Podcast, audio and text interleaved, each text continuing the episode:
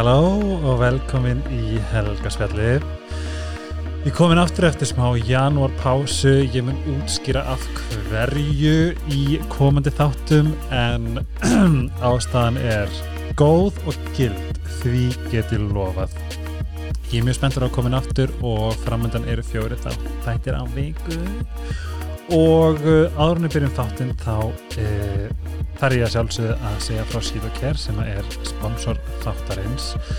Þetta eru störlar húðurur sem að hafa bara svona eigin reynsla. Þá hefur botilósinu verið að bjarga mér í hérna vetarkuldunum þá okkast húðum minn svolítið upp og hérna sérstaklega bara á líkamannum og í þessu er náttúrulega Cheetosan sem er hendar vel til dæmis XM og ég með svona, kannski ekki segjum ekki XM en svona pyrringur og þetta hefur verið mér algjör lifesavers Þið getur séð meira á sítokir.is C-H-I-T-O-K-R og framöndan eru tvær nýja vöru sem eru mjög spennandi. Með uh, helgarspjallinu þá getur þið fengið afsnætt af vörunum með kóanum helgarspjallir á sítokir.is Það er svona um að gera nýtt og það er sérstaklega þeir sem að nota þau fyrir þá hérna, getur þið fengið það ótrúra. Þátturinn líka í bóði 11.4 bæ maður sem er skarkjafalínan mín og uh, sem að já, ég og Dagmar uh, gerum saman.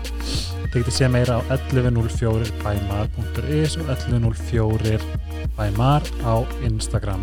Og ég segi sjálfur frá þá er þetta geðveikir skarkjafalín Við erum komið með, við erum í Nóa Sirius stúdíónu á podcastöðinu bæða ég gleym alltaf að segja þetta að þeir hafa ekki skama mig hinga til en um, þeir eru bestir í hérna uh, podcastöðinu Ég kom með mjög góðan gæst og þessi gæstur er ekki bara vinkona mín heldur æsku, æsku, æsku vinkona mín. Við erum að tala um það, við vorum að taka upp vídeo og trillingsmyndir og sungum Eurovision og dansum við Sakíru þegar vorum sjöra uh, ástæðan fyrir að hún í hafa núna er að hún á eina magnasögu og hefur farið í gegnum heljarnar vakningu í sín lífi og hún uh, veit mér innblástur örgulega hverjum degi en sérstaklega þegar við hittumst þá erum við bara í einhverju spiritual krútli.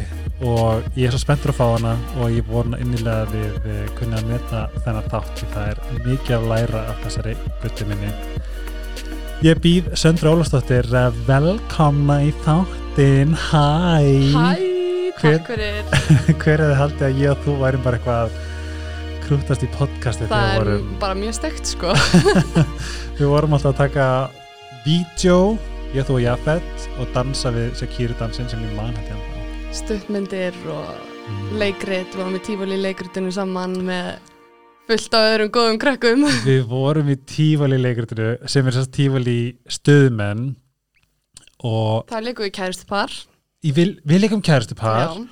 og ég og Jafet, við vorum svona þrjegi í den við fórum í fílu við einhvern annan á meðan þetta var í gangi og það var bardaðatri og við Já. actually þið, lömdum hvern annan þið gáði smá meira power í, í þeirri senu sko, í þeirri síningu já, og við komum úr vinina Hóp sem er mjög stór og vígalegur og sítt hvað það hefði getið verið búið til raunleika þetta, sérstaklega svona 2000 og álingsárunum já, sérstaklega þegar ég 2000, byrjun 2012 þegar ég kom tilbaka til segja já, þegar ég var að vinna í Íþróttúsinu já, erst að djóka? Það var, það var rosalett það er ógæslega að fyndi og ég held að, ég held að við séum öll frekar chilluð í dag.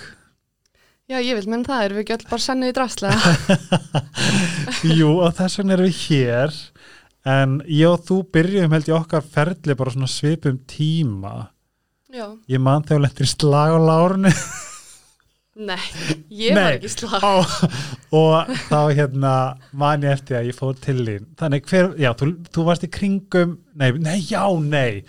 Einmitt, ég veit hvað það var. Hvað erum við farin út í það? Ég tekið tilbaka, það var gæla í slag við aðra gælu og mannstu ég kom til þín daginn eftir og þá voru við einhverju, það var hérna okkar fyrsta svona um, speklun sem við rættum hlutina eins og þau voru þegar vanlega er við, voru við meira svona og svolítið svona, já, ónu uh, ég ónaði þali, ég var að taka hana slag fyrir vinkunum mína, ekki fysikal slag sko, en hún fyrsta bara að verja eitthvað að verja vinkonum mína eins ég átti nú til að gera. Ég man að það var okkar fyrsta svona vá, við sjáum hvert annað. Já, allavega ef að spyrir mig, ég man ekki hvernig, hver þín upplifun er. Jú, að, veist, þetta er alveg moment sem ég man vel eftir sko. Ok, vá, ég líka. Já, og við allavega erum búin að bestu vinni síðan hvað, síðan fjóraða bekka já, og við vorum fólk, við vorum svona vinni sem fór í fílu út í hvert annað á til. Vikulega. Hyggilega. og en já, eins og segi það sem ég er svo spenntur að fara yfir og vill svo innilega deila með hlustundum er það sem að þú ert búin að fara í gegnum. Já, girl. Á þessi standandi stundum er freka magnað. En við ætlum að fara yfir allt það og sérstaklega þegar við erum að veist, með þessum þáttum þá langar mér alltaf bara að allir sem hlusti klári þáttin og hugsi bara vá ég hef aldrei spáð í vonandi get ég bara, ef ég get hjálpað einhverjum einum þá er það bara snill, það er það sem Mm. ég brenni fyrir, það er að Ég hjálpa öðrum sko, ég saði það mikið, hvern- ég saði held ég síðast þetta eða, já, já, ég saði síðast þetta með Silvíu, ó, mæli með þeim þetta að hérna bara ef að podcasti hjálpar einum til tveim í hvers skipti þá ætla ég ekki að hætta. Það hefur alltaf verið svona sko, það sem ég hugsa þegar ég deili einhverju eða er í bara sannleikunum mínum, þú veist, þá er það sem ég hugsa sko, það er að bara ef ég get hjálpað einhverjum með að vera komið til dýrana eins og ég klæti sko. Þú ert alltaf búin að hjálpa mér. Við áttum, og þetta, við förum út í þetta í næstu þáttum varandi hvað gerast hjá mér um jólin og januar en Mhm. þú varst með svo mikið stitta og stóð og bara pff, ég veit ekki hvernig ég hefði komið mér í gegnum þessa dag ef, ég, ef að, þú hefði ekki tekið á móti mér það er svona vissi ég líka þegar ég þig þá er bara svona þú verður að koma í helgarspilli Já, þú ert búin að sögðu mér í smá stund. Mm -hmm. og þú bara nei. En Nei, ég er bara, mér finnst bara gaman að þú viljir fá mig, skilur Mm. þú veist, þetta er uh, bara, ég vonaði mitt að ég, það meiki eitthvað senn sem ég segi hérna.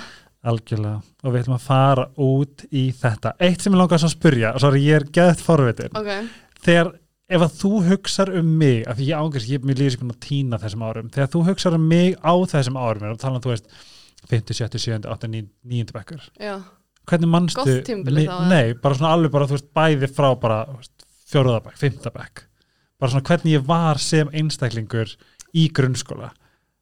Hva, hvernig, hvernig manstu mig? Bara, ég veit það ekki, bara helgi minn, sko. Bara, þú veist, stór karakter og þú veist, maður tók eftir þér, sko. Þú varst Truflaði alls fagnar er það? Já, þú, Ok. já, ég myndi segja það Ég man bara eins og kennarinn segi, ég var það bara tröflaði tímum Já, ég var svo svipið, sko. Og við vorum nú líka komið fram, við vorum nú í saman í bekk í rauninni í, Mm. ég er ári yngri og við vorum í samkjænsla alveg í hvað, fimm árið eða hvað Já, og einu sinni annað þegar vorum sagt, þrýr bekkir í einum, einum, einum bekka því að það voru bara sex krakkar í hverjum árgangi eða eitthvað það var svolítið fyndið. En þá voru við líka kannski svolítið HR Mjög, en uh, sko, þú hefur hlustað á helgarspelli og við förum alltaf í gegnum fáum að kynnast öllum og þú ert að færa það líka algjörlega þess að það. ég, mér langar svolítið að spyrja þú veist, Sandra sem úlingur af því ég veit bara með að við hvernig ég þekki þig og hvernig við höfum þróað saman að þitt svona struggul, þetta er bara svona fyrir ykkur sem er að hlusta þetta er, við erum að fara í gegnum struggli en þú veist, Phoenix væri orða að lýsa er fjandinn hafa hvað að upp úr öskunum. Já, það er svona ef þú segir mér aðeins, Sandra Ullingur ég veit þetta byrjaði fáralega snemma hjá þér. Já, og þú varst ekki, það var alltaf já, já, ég var mjög ung þegar ég byrjaði með alls konar bara, já, ég meina mikinn kvíða og, og útlits uh, gaggrinni ég var alveg, alveg niður í þryggjára þegar ég byrjaði að finnast eins, að tella mig trúðum að það væri eitthvað að mér útlitslega sko. En úlingurinn Sandra, hún átti bara ógeðslega rautt sko. Hún var bara uh, mikið að reyna að standa uppi fyrir sjálfum sér fann að hún hún, hún var svolítið hún var alveg ábyrjandi karakter sko. Og það, þú veist, hún reif kjaft og hún var alltaf að standa uppi fyrir sjálfu sér og, og var svolítið svona, já, bara reið. Já, hún var reið. Hún var mjög reið, lengi. Mhm. og bara mikill sjálfshatur. Mm. bara byrjaði mjög, mjög snemma sko. Ég man bara, þú veist, einhvern veginn ég man ég fann fyrir þessu bara strax í mentaskóla Já, það byrjaði fyrir það. En já, það, þar var mjög illa í mentaskóla og þú veist, bara mitt, mín útlit sko, Þú varst með búlum ég ekki já, lengi? Já ég, ég hérna þróða með mig búlum í, í áttundan, eða níunda bekk og hérna og í mentaskóla, þú veist, þetta bara, þetta var svo mikið fangils, þetta, þetta hamlaði mér í öllu, mm þú veist, í öllu, bara hvernig ég, þú veist, ég, ég náði illa fókusa í tímum út af því að ég var alltaf bara spáði, ok, hvar get ég setið, því ég vildi alltaf setja bara aftast út í horni svo enginn geti almennilega hort á mig, -hmm. ég var alltaf í bara út í um fötum og í úlpunum minni allstar saman hvað heitt var og, og, og ég tók ekki þátt í neinu félagslífi nema á djamminu sko. Mm. Ég þá fekk ég breyk þegar ég var að drekka áfengi og, og hérna, En mér finnst bara svo magnað að spá í bara svona, þú veist, að þegar margir sér tengja hvað Já. það byrjar ógesla snemma en líka hvað það, þegar þú ert komin þangað og ert ungur að díla við svona að þá fer þetta ennþá lengar tilbaka, skilju, við þur, þú veist, það er alltaf verið Já. að tala um það, við þurfum alltaf að tala við okkur sem ungu krakkarnar þegar við vitum ekki, við alltaf, átt- já. Við, sko, það sem ég hef lært nefnilega uh, í gegnum dálislu meðferð sem ég hóf um, 2019, Mhm. í júni 2019, það bara gjör breytti öllu fyrir mig. Mhm. Því að við erum svo oft uh, að sérst dálisla snýst um að vinna með undirmeðundina mm og undirmeðundin hún stjórnar sko 90 og eitthvað prósent af því sem við gerum. Því hún Mhm. heldur alltaf, hún sé veist, hún er alltaf að reyna að gera það sem er best fyrir okkur og, og gott fyrir okkur. Mhm. en hún er samt kannski ennþá einhverju prógrami sem að prógramaðist sko fyrir sjöraldur og sem er bara farið að hamla manni og skemma fyrir manni. Mér ég, finnst, já, fyrir ekki. Ég, alltaf, ég, ég byrjaði nefnilega rosalega ung sem að ég sem sagt uh, fannst sko eins og reyðin veist, ég notaði reyðina í að Mhm. verja mig, passa mig Mhm. passa upp á tilfinningana mína, ég treyst engum. Og ég er nýfarin í rauninu að opna á það að, að treysta veist, fólki hleypa ókunni fólki að mér sko. Ég man eftir, þú veist, með þú veist, með okkur og þú veist, við, eða, í vinhórnum, ég man alltaf, þú veist, maður vissi aldrei hvenar kannski þú hvenar reyðin myndi hva, hvenar triggerinn myndi já, en þú sprengjunni í anger management já, já, ég fór eftir að harpadó, þá fór ég í þá fór ég reyðistjórnarnámskeið mm. reyði stjórnan námskeið já, og það var mikil lærdómur. Það hjálpaði, en ég meina það samt sko á samtíma var ég ekkert alveg tilbúin þá Mhm. heldur að sleppa kannski öllu þótti ég lærði alveg helling sko. En ef við tölum um reyðina hérna, hvað hefur verið þinn mesti lærdómur að kynast henni, vinna með henni og það sem varst í dag sko að því held að það eru margir sem að Vita það ekki. já, en nota reyði bara endalaust allt og margir eru þar því miður bara þetta er ákveð varnar viðbrað þegar maður stjórnast kannski svolítið af egoinu og ego Mhm. er ekkert endilega eitthvað, ego er alls ekkert bara eitthvað ég er betur en aðrir eitthvað, það er, veist, það er mikil miskinningur. getum við plýst tala um eitthvað eftir maður skrifa niður hjá mér að því ég, Já, þetta er, egoð er uppáhalds viðfarsöfnum mitt. Ok, sorry, ekki að ég sé einhver sérfræðingur samt Nei, sko, og ekki en, heldur, en það, það er samt svo magnað fyrir ef að fólk fattar hvað þetta er Já, game changer. Æ, já, ég, ég get svo sem ekkert alhæft samt um alla aðra sko, en kannski bara reyðin var bara túl sem ég notaði Mhm. til þess að verja sjálfa mig. Mm. Og þegar ég triggeraðist í aðstæðum þegar Mhm. mér fannst að mér vegið eða ég upplifði, þú veist óréttlæti yfir höfuð þú ert, já, ég er náttúrulega mjög sterkar einmitt. sko. og ég, mjög ung þá fann ég náttúrulega ég, ég stóð með mínu þú veist, Mhm. oft í skóla þá var stundu kannski fyrir að minnstu hluti bara, þú veist, hver er upp á söngkonun ykkar og allir í bekknum sögðu það sem að kennarin hvað honum fannst vera besta söngkonan en ég eitthvað, Brynni Spers, af því hún var uppáhaldið mitt þá bara, nei, hún kann ekki að syngja og ég bara, jú. Já, já, hún er uppáhaldið mitt já, og hún má vera uppáhaldið mitt. En ég fór svo oft í reyðina í aðstæðum það sem ég fannst að mér vegið eða ég móðgæðist eða ég upplýði höfnun. Mhm. kannski aðalega með það, höfnun hefur kannski verið svona aðalsprettan af því að uh, ég reakti í reyði eða pyrring og og líka það að ég upplifði höfnun í alls konar aðstæðum sem að kannski um, einstaklingar ekki með mína sögu eða tólkuð ekki aðstæður í, hefðu kannski verið sömu aðstæðum ég í lífinu en tólkuðu bara öðru sig. Þess að rótin var í rauninni þá Ég bara höfnun sem að upplifði höfnun oft í aðstæðum sem að aðri myndu ekki já, sem, sem bara komið frá langt bara aftur í bad, þú veist, já, já, já, já bara því að ég, ég var stór karakter og ég fann alveg ég triggeraði fólk. Mhm. þú veist, ég var svona sérstaklega karlmenn, eldri karlmenn. Hverju þeir mig ekki alveg. Ég veit ekki, ég held bara að ég sé með svona sterka orku sem að um, karlmenn hafa kannski ekki alveg höndlað í konum, Emmitt skilur mm -hmm. ég held að það sé að, að ástæðan sko. Þegar ég fór til Danmörkur 2012 þá kom ég tilbaka og kom heim og var að taka upp sjónvastátt og þá byggum við sama, undir sama þaki. Já, eftir sömari Já, mm og ég man eftir í að, eins og þú, þú er, þín saga er svo mikill rollercoaster. Það er svo magnað. -hmm. að því ég veit hvað er í dag. Það, fyrir, það, það kemur að því. En hérna ég man eftir að þú varst svo langt niðri já, á þessum tíma þú gast ekki fara út úr herbygginu nei, sko 2012 var náttúrulega bara, það var svona mitt krúsjál uh, vesta tímabil í rauninni mm -hmm. um, ég sem sagt uh, mér er nauðgað Mhm. um, í júni 2012 og ekki það að mér hafi liðið frábærlega fyrir það sko en, Mhm. en það svolítið ba- auðvitað bara, setur alveg ágætast ágæst bara algjörlega og, og þým tíma var þetta ekki svona opið eins og í dag þannig að þetta var bara eitthvað sem ég hjælt fyrir mig og ég sagði engum þetta í mörg ár. Og tvei mánum eftir það þá uh, reyni ég að fyrirfara mér.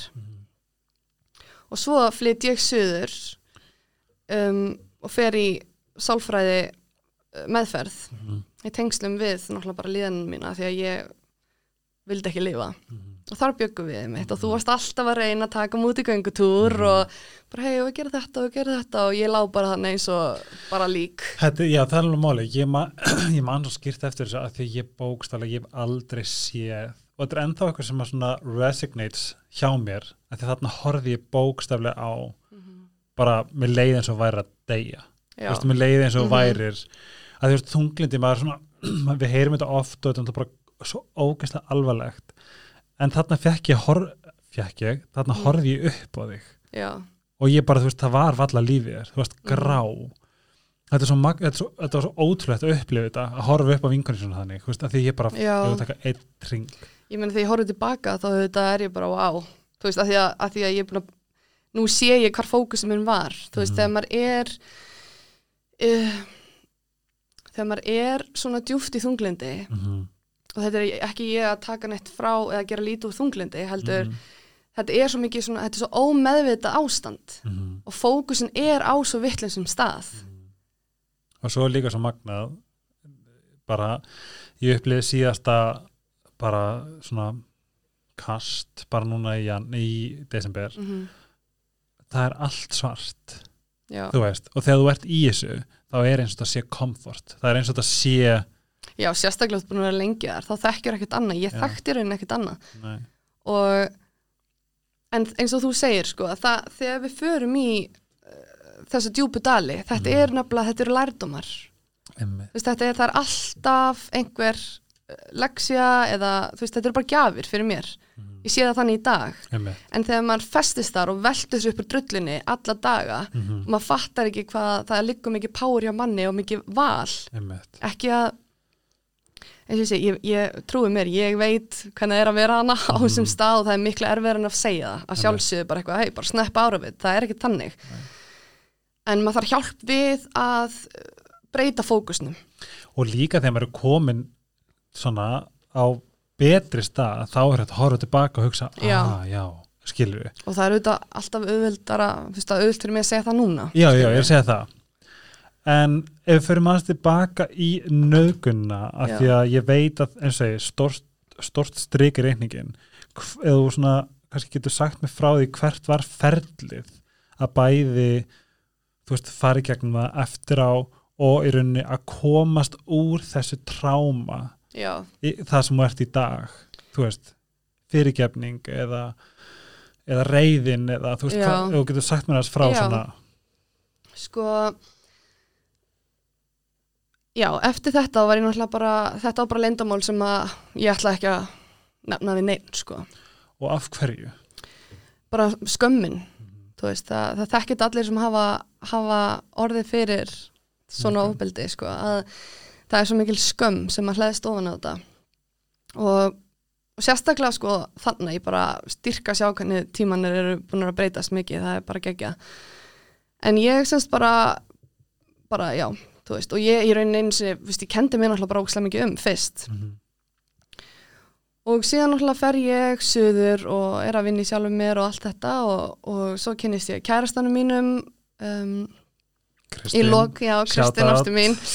Já, þá kynnist ég honum í lok 2012 og hérna og hefur náttúrulega bara lært ótrúlega mikið á honum og, og loksins svona tristi líka mannesku bara með tímanum, tók tíma en treysti honum alveg 100% þannig að eftir fjögur ár, fjórum árum setna þegar þetta var líka orðið aðeins svona algengara þetta var aðeins svona farið að vera sko, fríðin nippul var búið að koma og var svona pínu svona meira power einhvern veginn í orkunni hjá konum. Og ég hef náttúrulega alla tíð verið að vinna í mér. Þú veist, ég Mhm. byrjaði í nýjöndabekki á sálfræðingi. Og ég hef alltaf verið með að leiðaljósi að að líða betur og ná að öðlast hamingu en ég ætlaði mér samt alltaf að sleppa ákveðnum hlutum. Ég, veist fjölskylda mín vissi ekki að ég var að díla við ádraskun í fleiri, fleiri ár. Ég faldi þetta ótrúlega vel sem er samt alveg spínu skrítið en þú veist, já. Og þannig að þetta voru svona layers sem bara búið að taka svo lang- langan tíma í rauninni fyrir maður að sleppa bara takinu á því að ok, hvað gerist ef ég feysa þetta og ég kemur svo upp á yfirborði og naukunin var það er gott, gott. Já, hvað heitir þetta? því við verðum öll fyrir svo mörgum áföllum bæði stórum og litlum, bara það er óumflýjanlegt sko, en svo var ég að horfa mitt á sko sálfræði þátt að ég hef svo mikinn áhuga á bara manneskunni og heilanum og hvernig við, af hverju við erum eins og við erum og allt þetta og þar kom bara þessi setning sko, þú veist, við komumst aldrei lengra heldur í leyndamálun okkar. Og það kveikti bara eitthvað á einhver hjá mér. Ekki að ég ætla að fara eitthvað bara full force inn í það en þetta var sömur 2016 og þá hérna, segi ég kærastanum mínum þetta. Þá er ég að segja þetta í fyrst skipti uppátt og það var auðvitað bara ótrúlega ótrúlega átökalegt og enn á sama tíma frelsandi. En ég var ekki tilbúin til að gera neitt meira með það. Og þetta var bara fyrsta skrifið en það er svo fyndið að horfa tilbaka út því að þetta átti svo að gerast svona út því að í janúar 2017 að þá sé ég annan af mönnunum í sjónvarpinu hjá mér. Þetta eru tveir menn, já. Já, og ég vissi aldrei hverju voru eða, en ég vissi alveg ég gætt fundið það út Mhm. með Google en ég var bara aldrei tilbúin til þess. Og þá sé ég henni í sjónvarpinu og ég fekk bara tögafall mm. Og það var einhvern veginn bara ekkert aftur snúið. Þegar það skeiði, þá bara einhvern veginn þurfti ég að feysa þetta almennilega. Þá er líka samt, mér svo magnað að sjá sko að bara mjög stuttu fyrir opnaði ég það. Opnaðir, þú veist þegar ég sagði kæristunum minn já, já, já, einmitt, einmitt. Þú veist að já. Og þá bara hófst ferlið að að hérna, ég segi mömmu minn þetta reyndar nokkrum, að hérna í lok 2000 og í lok 2016 líka, þá segi ég þetta en engin, og en, engin fleirum með, jú, vinkonum minni.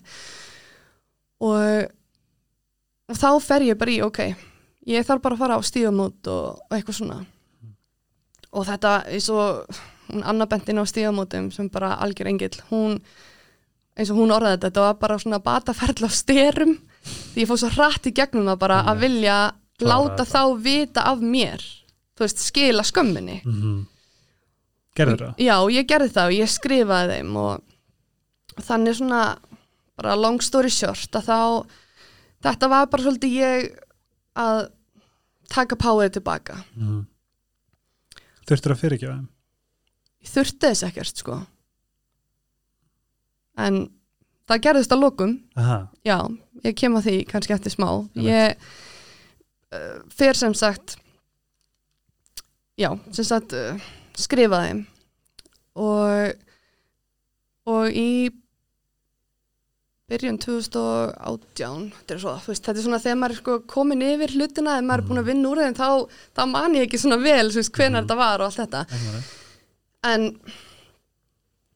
svo sko tók smá tíma fyrir mig að þróa sko síðan að fá hugrekkið í að síðan sko ég endaði síðan með að vilja kæra. Mhm. þótt að ég vissi að þetta var alveg eitthvað síðan og allt það en ég geri það og, og það var leiðin að í rauninni það sem við köllum vak vakningu. Að ég kærufelli var svo rosalega átakalegt. Það var bara og ég bara, ég var svo reið.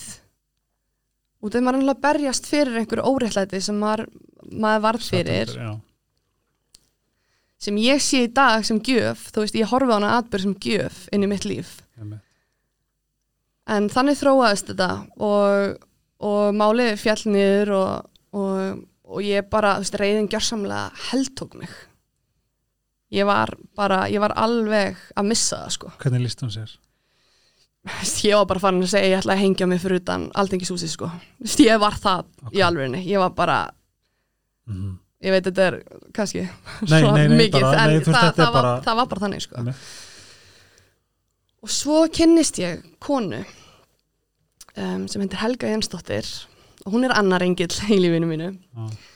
og byrja sem sagt það er dálislu kona. Já, Mhm. þar byrja ég dálisleferli áður en að við förum í það að því að málið það aðteglisverðasta já, sem tengist hugleislunni var að í kringum allt þetta þá ertu líka mjög mikill sjúklingur.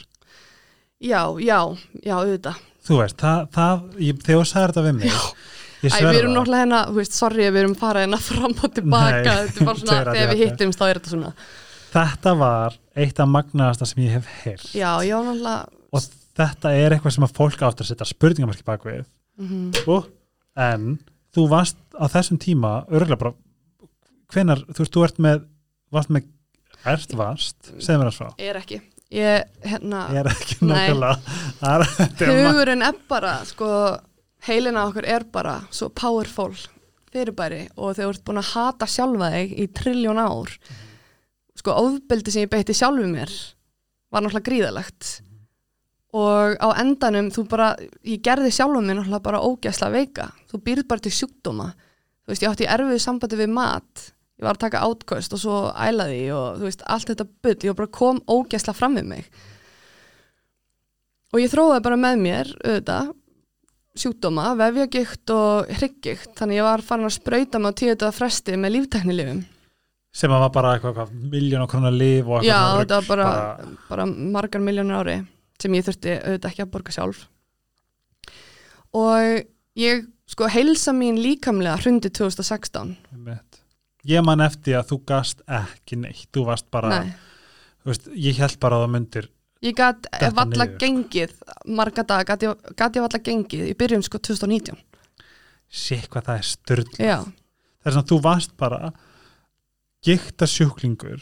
Þú sagði hryggikt og hryggikt og vefveiki vefjagikt og svo ég, kemst ég í samband við Helgu Jensdóttir í 2019 mm -hmm. í júni byrjaði meðferð hjá henni þar. Júni er mjög örlegar ykkur mánu ótrúlega og bara ákveðna dagsinninga líka þriði júni það fættist ég.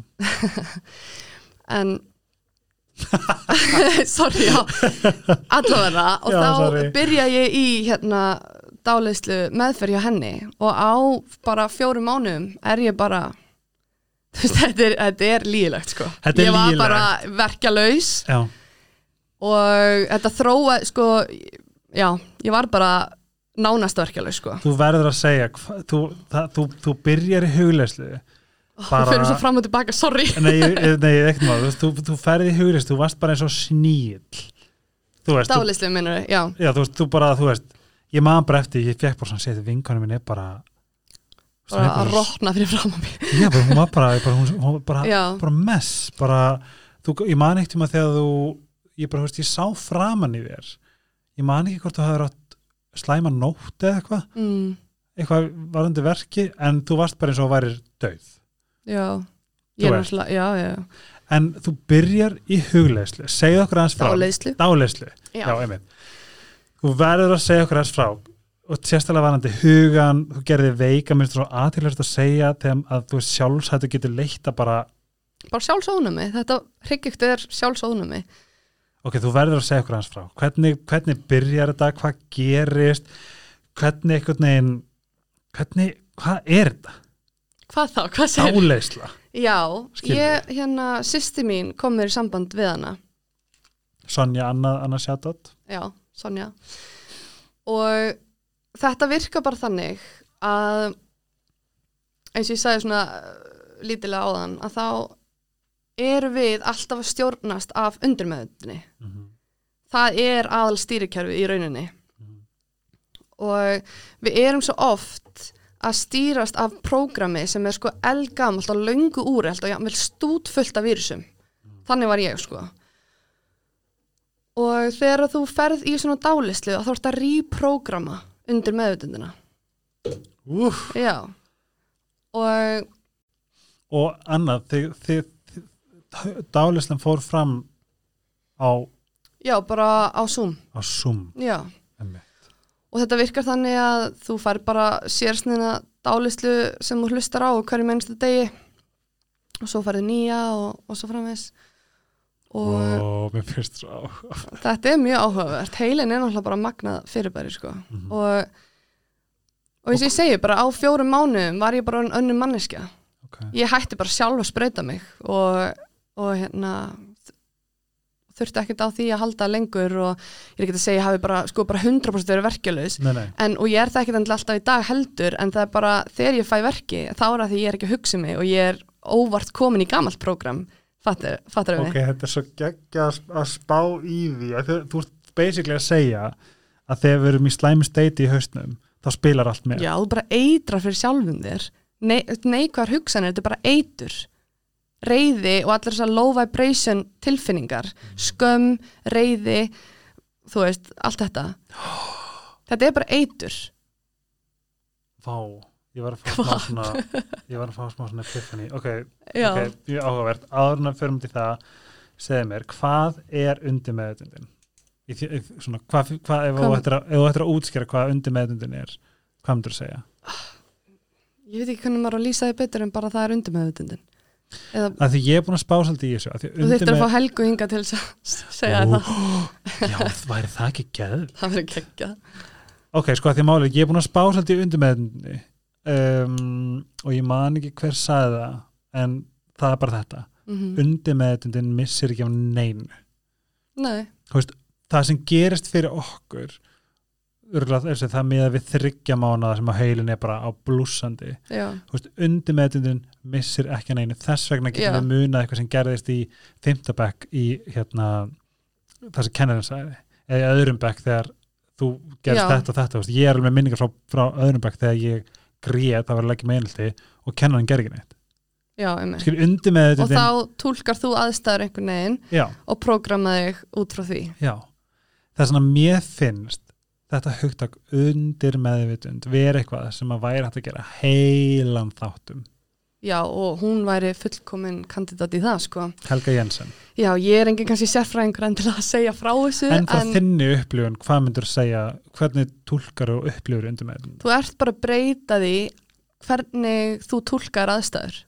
um Sko, og þá meina ég ekki að eins og aðstæðan hafi ekki skeð, heldur við um, segjum sjálfum okkur, já, þetta skeði og það því þetta um mig og, og dararara, það þurfi. um og svo fyrir við og undirmöndunir að passa okkur skilur, passa hér er að triggerast þetta áfall og þá fyrir undirmöndunir passa okkur og fyrir beint í þetta prógram og æ, skilur mig. Mhm. það er svona undir meðvitund bara svo talva já, það er ágættis myndlíking allavega bara svona, já, með bara 16.000 og við erum oft stútfull af vírusum og við föttum það ekki og erum öskrand allir kringum okkur og æ, fattar um mig. Og, en þetta leiti mig síðan út í bara einhvern veginn svona ákveðna vakningu, ég, ég veist, sá bolti fór svolítið að rúlla meira í að sjá sko ábyrðin hjá sjálfum mér. Mhm. sko raunverulega, ekki bara segja já ég ber ábyrða einn haming heldur virkilega skilja það frá dýfsturótum ok, ég nefnilega er svolítið spenntur að heyra því tala um bara þetta koncept, sjálfs ábyrð já, og ég í kjölfarið sko, já, mitt, þegar ég öðlast já, þegar ég fer að fatta þessa sjálfsábyrð fyllilega og þú veist, ég, ég gerði það bara með að ég var bara að lesa endalaust, ég var bara að stúdra endalaust og fann hann að gæja á YouTube sem heitir Aaron Doughty, minnum mig. Og hann er rosa spiritual og, og það bara, það var eitt myndband í honum og það bara, það small eitthvað hausnum á mér. Og á innan við sólarring hætti ég að vilja deyja. Var, þessar hugsanir fylgdu mér alltaf, ég vildi deyja, ég meikaði þetta ekki, þetta var ómikið og ég var bara först í náttúrulega victim mentality, bara svona sjálfsvorkunar vítarhing Mhm. og ég fyrir ekki á mönnunum sem að bruta mér af því að ég náði bara í sjálfsábyrni þá nærði ég líka svolítið, eða allavega í mínu tilfelli þá lærði ég líka bara svolítið inn á náungakærleikan sko. Vi, við erum öll með einhver ákveðna vekkferðin á þessari jörð Mhm. og við þurfum að mínum að að geta séð litla barni inn í hverjum og einum og hvað allir eru kannski einmitt að stjórnast af einhverju elgumlu prógrami taka ekki hlutum persónulega Vá, þetta er svo ógæslega það er sjálfsábyrinn ég ætla ekki að taka þessu persónulega þótt að einhver sé að öskra mig og segja ég sé umuleg mm. að þá samt ok að sjá innra barni, sjá þessum einstaklingi líður illa Mm. ég ætla ekki að fara að taka það inn á mig, það hefur ekkert með mig að gera Mm. fattar? Þetta er samt svo, þetta er svo gott umfangsefni, viðfangsefni. Við, við, I don't know. viðfangsefni. Emni, ok. Að því að sko, þetta er eitthvað sem að ég líka bara að ringsnúast í á hverjum degi. Mm -hmm. að því að núna er ég að skilja og, og þetta og er, og er bara búin að vera í mikil ásorg sem förum út í næsta átum en það er um þetta því ég hugsa alltaf hversu auðvelt það væri fyrir mig að vera reyður út í minn Mhm. fyrrandi út af því hvað ég er að gangi gegn núna í rauninni hvað hann gerði innan gæðslappa en ég get það ekki af því að þarna líka, þú veist nú við erum þarna á sama stað af því ég sé hann. Þú veist, ég sé hann. Og hvað þýðir það, ég sé þig. Ég sé þig fyrir allt sem þú ert fyrir utan allt að tráma sem að þú varst sast undir fyrir Já. þegar þú varst bann eða whatever. Við eigum öll sögu sko. Við erum öll sög og við erum öll með tilgang á jörðinni. Mm en við fæðust öll hrein, Algjörlega, skilur við já.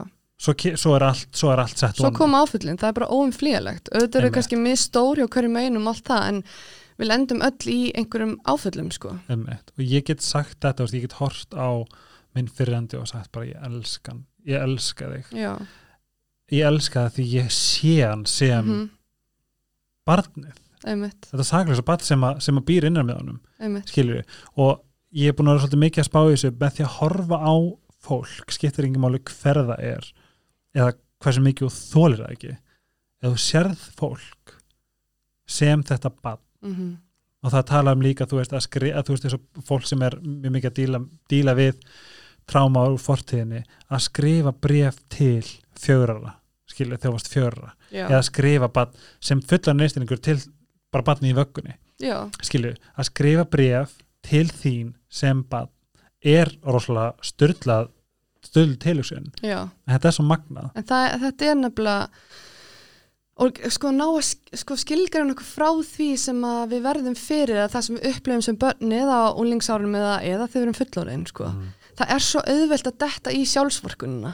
Algjörlega. Að ekki að þetta sé eitthvað sangjant endilega það sem að verður fyrir eða veist, að því fyrir mér er þetta að koma sko fyrir mig, þú veist, þetta er handa mér. Þetta eru gjafir, mm. þetta er allt þessi hjálpa mér að elevata mig á næsta nothing level happens sko. to you but for you. Já, einmitt, akkurat það. Hvað, hvað myndur þú segja fyrirgefning sé? Nú ertu búin að fara gegnum frekar stóra fyrirgefningu.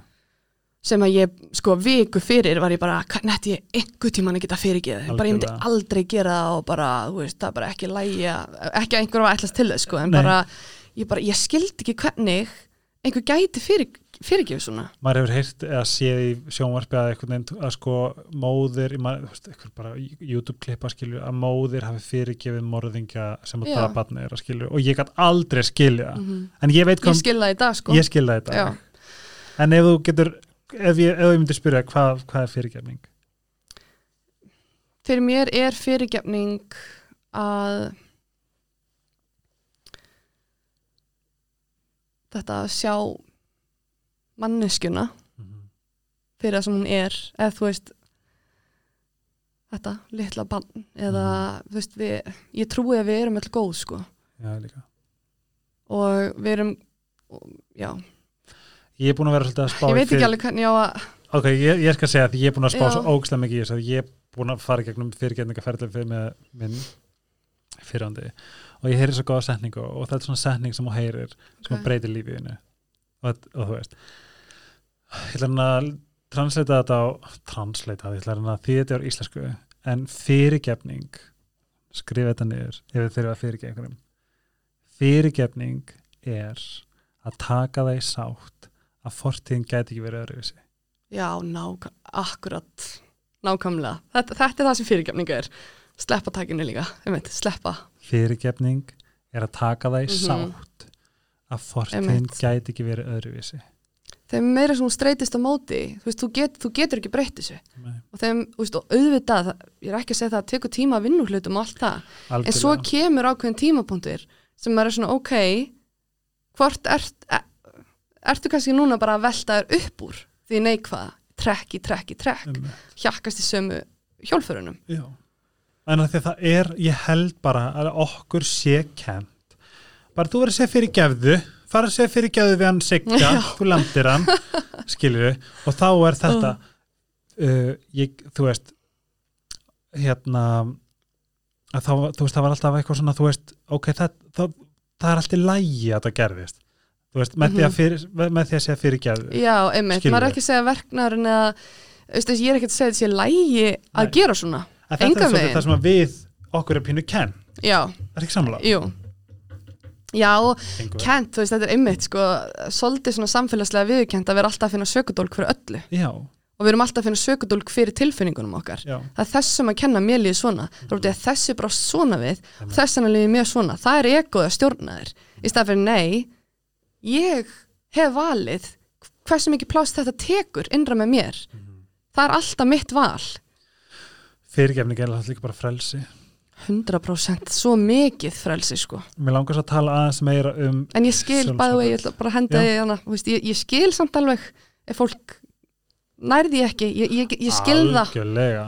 Ég held bara að ég, það, er með eina í haustum sem að hefur skrifað að það verður aldrei fyrirgefning gagvart þessu, eh, gag- gag- gagvart einhver sem gerðist já, og ég man eftir, þá vissi ég ekki hvað fyrirgefning var. Og ég man alltaf bara svona ó, oh, hvað er umrætt fyrir hana að ég veit hún mun alltaf vera leiði yfir þessu og reyði yfir Mm. þessu. Hún mun aldrei fá hún mun aldrei fá hérna frið. Mm en ég vissi ekki, ég hugsa að því að ef þú hefði spurt mig þá, já. bara fyrir þú veist ef þú spurt mig fyrir mánuði hvað er fyrirgefning þá var ég bara, "Uh, ég veit ekki, uh," þú veist. En ég veit það núna Mhm. og mér langar svo að miðla þetta áfram af því ég veit að það er svo margir sem sitja með þetta. Fortíðin er búin einmitt. Það er ekki hægt að breyta og það eru margir sem hlusta öruglega núna og tengja gett við þetta og eru bara, vá, já, eða já, mér bara nákvæmlega búin að fatta þetta. En svo eru sumir sem kannski triggerast yfir að þið eru ekki tilbúinir og það er líka allir læg algjörlega, En við verum líka að muna sko að triggeranir okkar, það sem við triggerumst yfir, það er alltaf speill, það er alltaf eitthvað fyrir mig að kíkja inn í mig, innra með mér og sjá, byrju, ok, af hverju ég er að triggerast yfir þessu? Hvort sem einhver er að vera dónaleg við eða ekki, emmitt en af hverju triggerastu svona mikið yfir því? Emmitt Fattarum mig? er þetta ekki líka hef, hef uh, hvað ég segja hef endalausa en góða nám sem við erum í Já, 100% það er ekki þessi, ég, ég er ekkert fullkomið þannig alltaf sko, alls ekki, Nei, en er þetta ekki bara svona, mér finnst þetta gaman Mér líka, ég er brenn fyrir þetta, þú veist, þetta er bara, nei, þú veist, ég er með fimm háskólagráður í sjálfsvinnu, sko, þú veist, þannig ég er bara, ég er alltaf bara, ok, ég vil, ég vil læra meira, ég vil vita meira, ég vil stúdera þetta meira og, já, byrju, já, af hverju upp, upplega höfnu núna? Þá langar mér bara, ég verð gett forvitin, ég líka. Þú veist, gegnum- innra með mér. og gegnum skilnaðin, þú trúir ekki hvað ég er bara, þú veist, þetta er bara já, mér langar að tala um þetta allan daginn og mér langar að vita allt. Já. En þú, og það, mér finnst það samt líka svo geggjað, ég elska að fara í þannig samræður við fólk þegar það er að gangi ekki hann verfileika. Einmitt. eins og þú að, eins og við tölum um jólin og allt þetta það er svo, það er svo gaman finnst mér ekki að minnst gaman að setja gangi um eitthvað erfitt heldur það er svo gaman samt að að sjá já, og, ég læra þér, þú læra mér. Já, læra af upplifum annara því að við, við upplifum ekki öll að sama sko, Nei.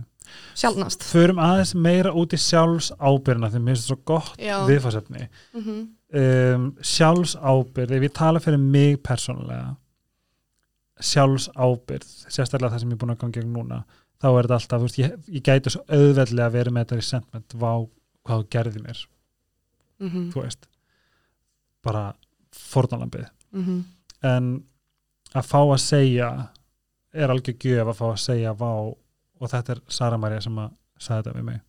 Fornja sem er núna hérna, hún er á helgarspillinu og fullt af þáttum um, þú veist, ég kalla hann til mín. Veist, ég kalla kallaði kennaran til mín minn fyrirandi, já, ég já. á að fara í gegnum það sem ég er að gangi í gegnum. Mhm, að því ég kalla hann til mín skilur þetta er svo frelsandi og þetta gerir mér svo kleift að elskan, Einmitt. elskan að eilífu. Ekkert endilega að vera ástofngin á hann en Nei, elskan, en, alveg sem ég elska þig. Um, sjálfsábyrð ef við getum farið út í svona sjálfsábyrð 101 hvar myndur við byrja? Ég að taka fram, ég er engi sérfræðingur sko.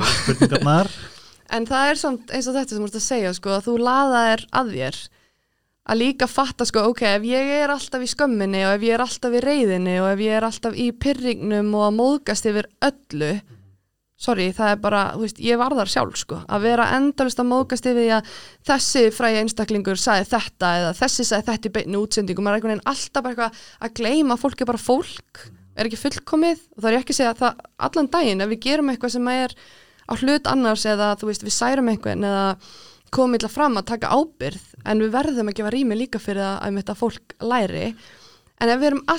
að en ef við líka að taka pínu ábyrði þegar við erum í þessu low vibration þá erum við að bylgileng þar sem að allt hitt low vibrationu þrýfst líka og þú laðar það til þín.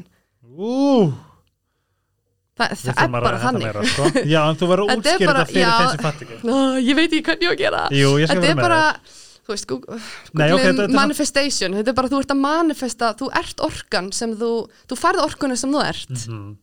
Eða þú færð, eh, já, Já, nei, algjörlega, ég, ég, skal, ég skal koma með mitt input. Já, endilega. Sem er örglega ekki þú veist, sem er örglega bara blaður, en sjálfsábyrg, ég fæ alltaf sko, þú veist ef þú segir maður þeim, þú böggaði á þessu með að þú segir þetta og djúlur fucking pyrrandi mm svona at the end of the day þá er þetta bara þú, já, þú veist allt utanakomandi er þeirra, mm svo lengi sem er þetta ekki ef þetta særa aðra, ef þetta er að brjóta öðrum já, já, já, þá skal ég alveg, skilur benefit of the doubt, en allt sem er í gangi ert þú og þín sjálfsábyrð og að því þú sagði þetta með low vibration ég er að læra rosalega mikið inn á vibration það er bara eins og fólk sem að baktalar eða slúðrar eða tala illa um fólk. Mm þú veist, er þetta ekki samanlega það er bara low vibration. 100% bara að tala að tala neikvægt að tala neikvægt veist, hva, hvað sem það er, hvað sem er þú veist,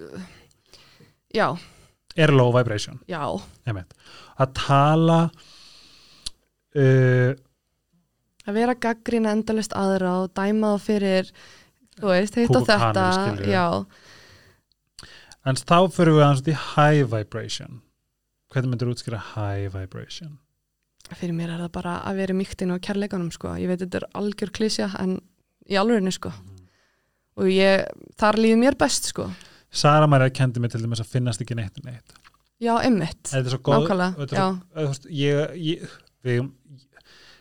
ert miklu betri en ég til dæmis að segja bara, ég, ég, ekki, ég vil ekki tala illa um neitt, skilur En ég áðurlega til að slúra, en alltaf með good intention held ég, skilur mm En meira bara svona, þú veist, þetta, þá man ég alltaf þessi orð, finnast ekki neitt um neitt. veist, eins og bara, þú veist, vákonu í ljótum buksum. Ó, þá- ég, ég tengi svo ekkert við Nei, þetta altså, sko ég, ég, ég, þú veist, ég myndi ekki segja þetta Nei. Nei, en bara þess að útskýra þetta finnast ekki neitt um neitt, Mhm. því maður finnast matur góður en ein, þú setur með eitthvað sem vákonu í ógæsla ljótum buksum mm og þá komum við þetta þetta hérna dæmi já ok, að því að þér finnst þú verið ljótum buksum -hmm.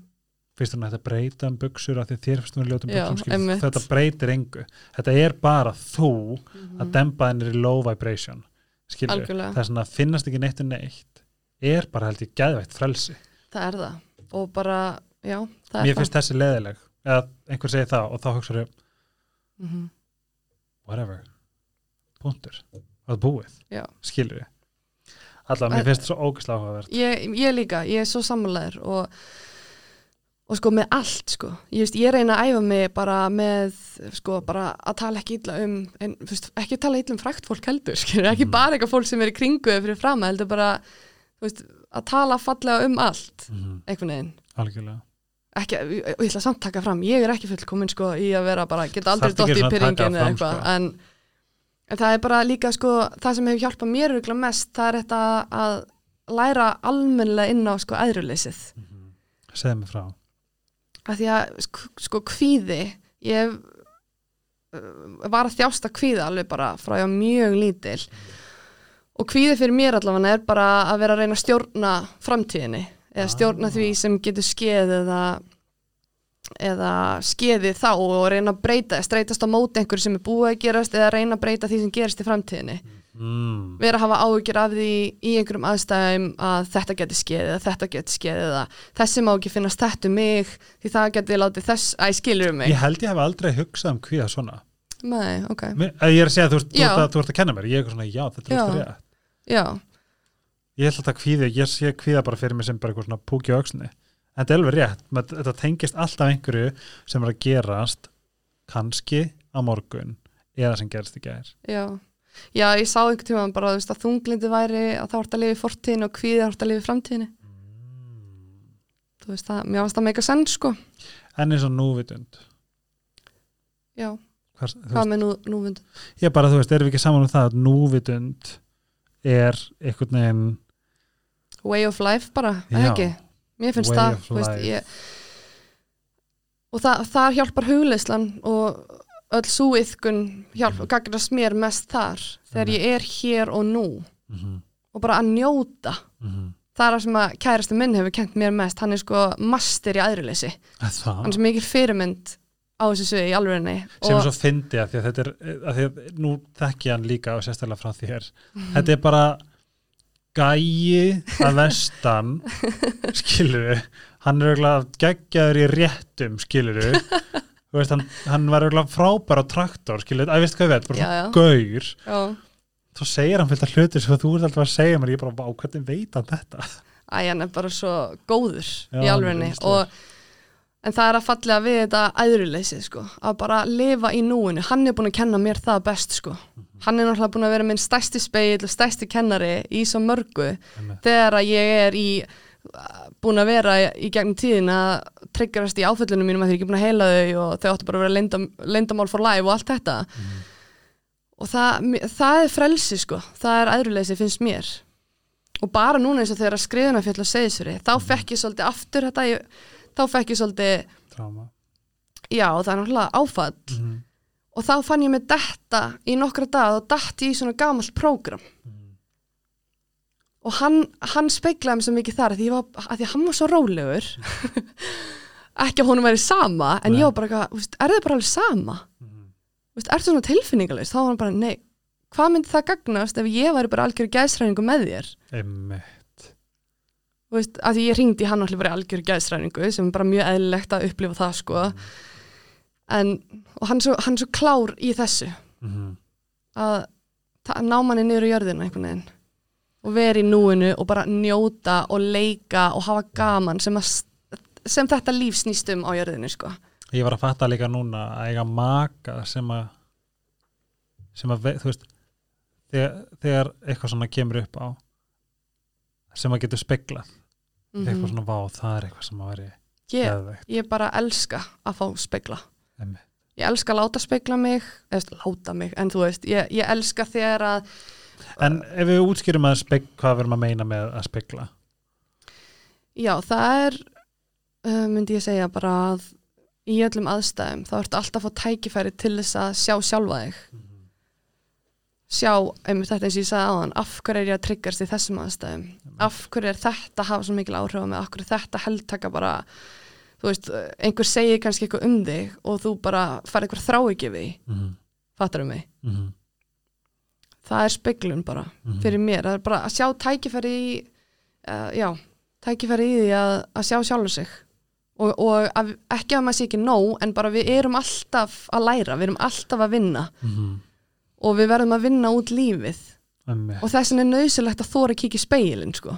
það gerist Ó. ekkert þú horfir ekki sjálfa þig sko. þú getur ekki endalaust verið að benda allir kringu þig þetta er svo mjög rétt og þarna erum við líka, þess vegna erum við líka taka alltaf þetta upp að því að ég fæ bara svona ég voni þetta make sense allavega þetta make sense fyrir mér líka, að þetta meikar sens fyrir okkur að því að við Já. erum svona. Já, en við erum búin að fara í gegnum alls konar. Ég, mér, mér, það er eitt sem ég langar að tala um líka sem ég get talað um endalaust. Það er egoið. Já.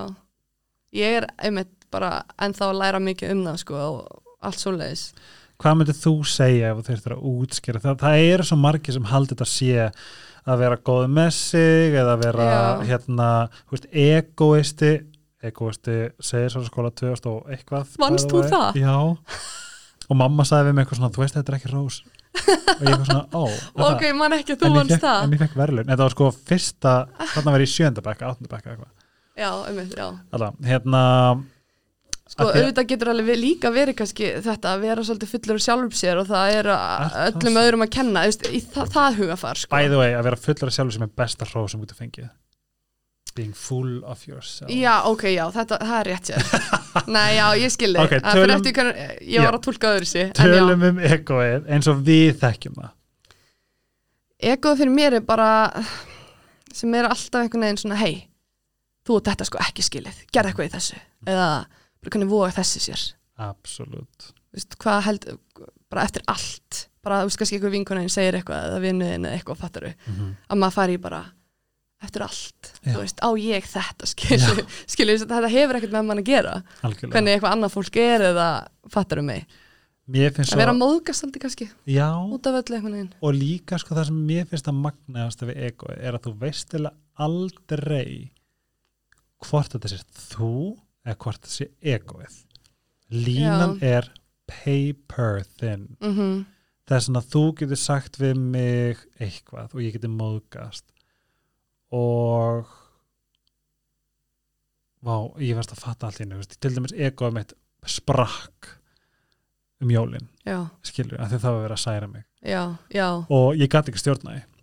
Egoið við stjórnum ekki öru fólki. fór ekki bara í, í þannig driver's seat, já, heldur við sett í sjötta gýr og kerast það, skilur, ég gæti ekki stjórna mm, þetta var, þetta var ömuleg upplifun.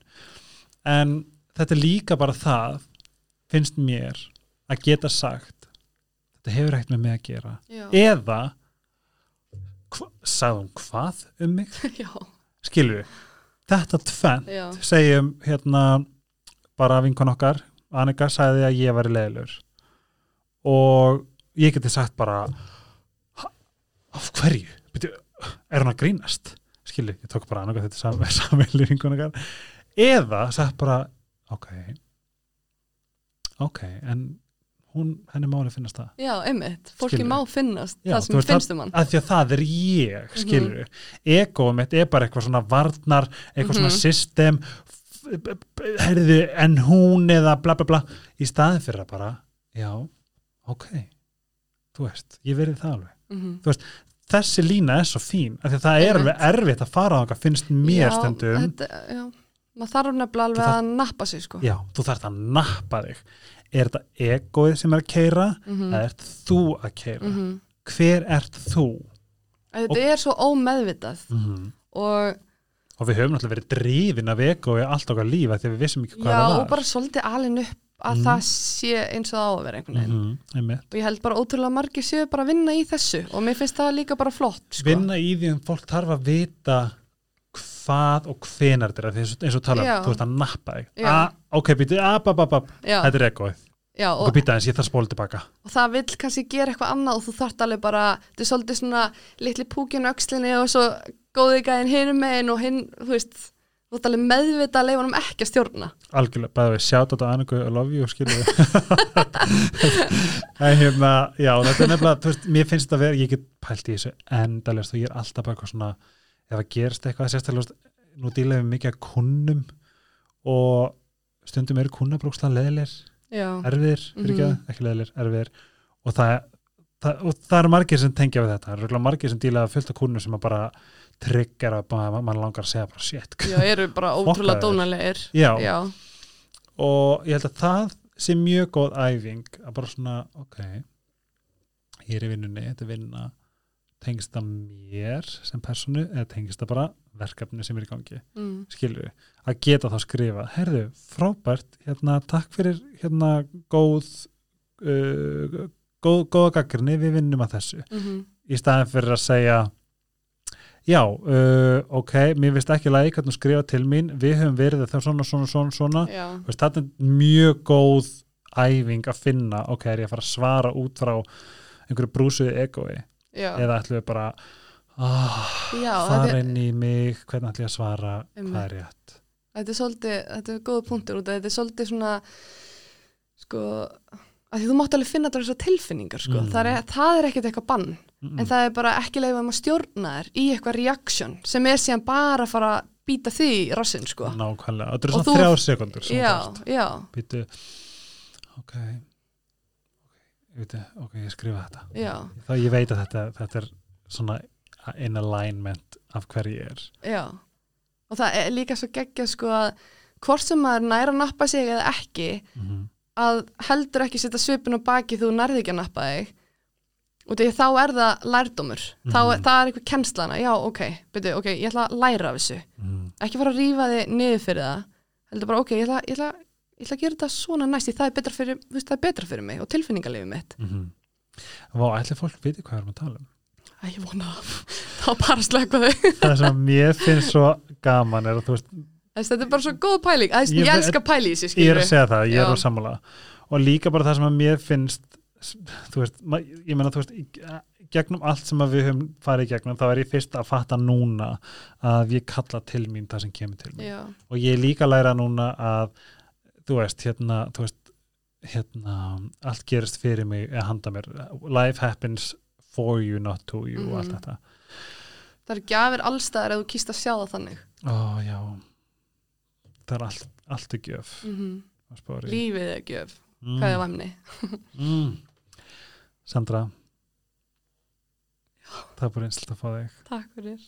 Áður en við uh, kveikjum á músikinni hvað er besta ráð sem við fengið Besta ráð? Hvað er besta ráð sem við fengið? Vá, byrju Það var ekkert sem poppaði eitthvað strax sko. ég fekk svona, wow, hvað er? Besta ráð? Besta ráð sem við fengið. Hvað er besta ráð sem ég hef fengið svona nýlega? Ég hef alltaf sagt hérna, ekki mörg. eigða orku í það sem hún getur ekki stjórna það að vera svona mitt aðal. En þarf ekki að svara sig ég, ég held að sé samt bara where, where focus goes, energy flows. Ooh, where focus goes energy flows. I like that. En hérna um, í lokin eða því glemur sér alltaf við segjum blest frá No Sirius stúdíónu á í um, podcastöðinni Sítokær, takk fyrir mig Takk fyrir að fá mig. Og Sandra, takk fyrir að koma. Ég vona að fólk hafi fattað því að við tölum alltaf um þetta. Og förum út um alla alla trissur, á? Instagram heitir þú Sandra Ólafs og L A 2 S. Yes. Ef þið föttu hvað við vorum að tala um sendi okkur líka takk fyrir okkur, hafið það gott. Takk. Bye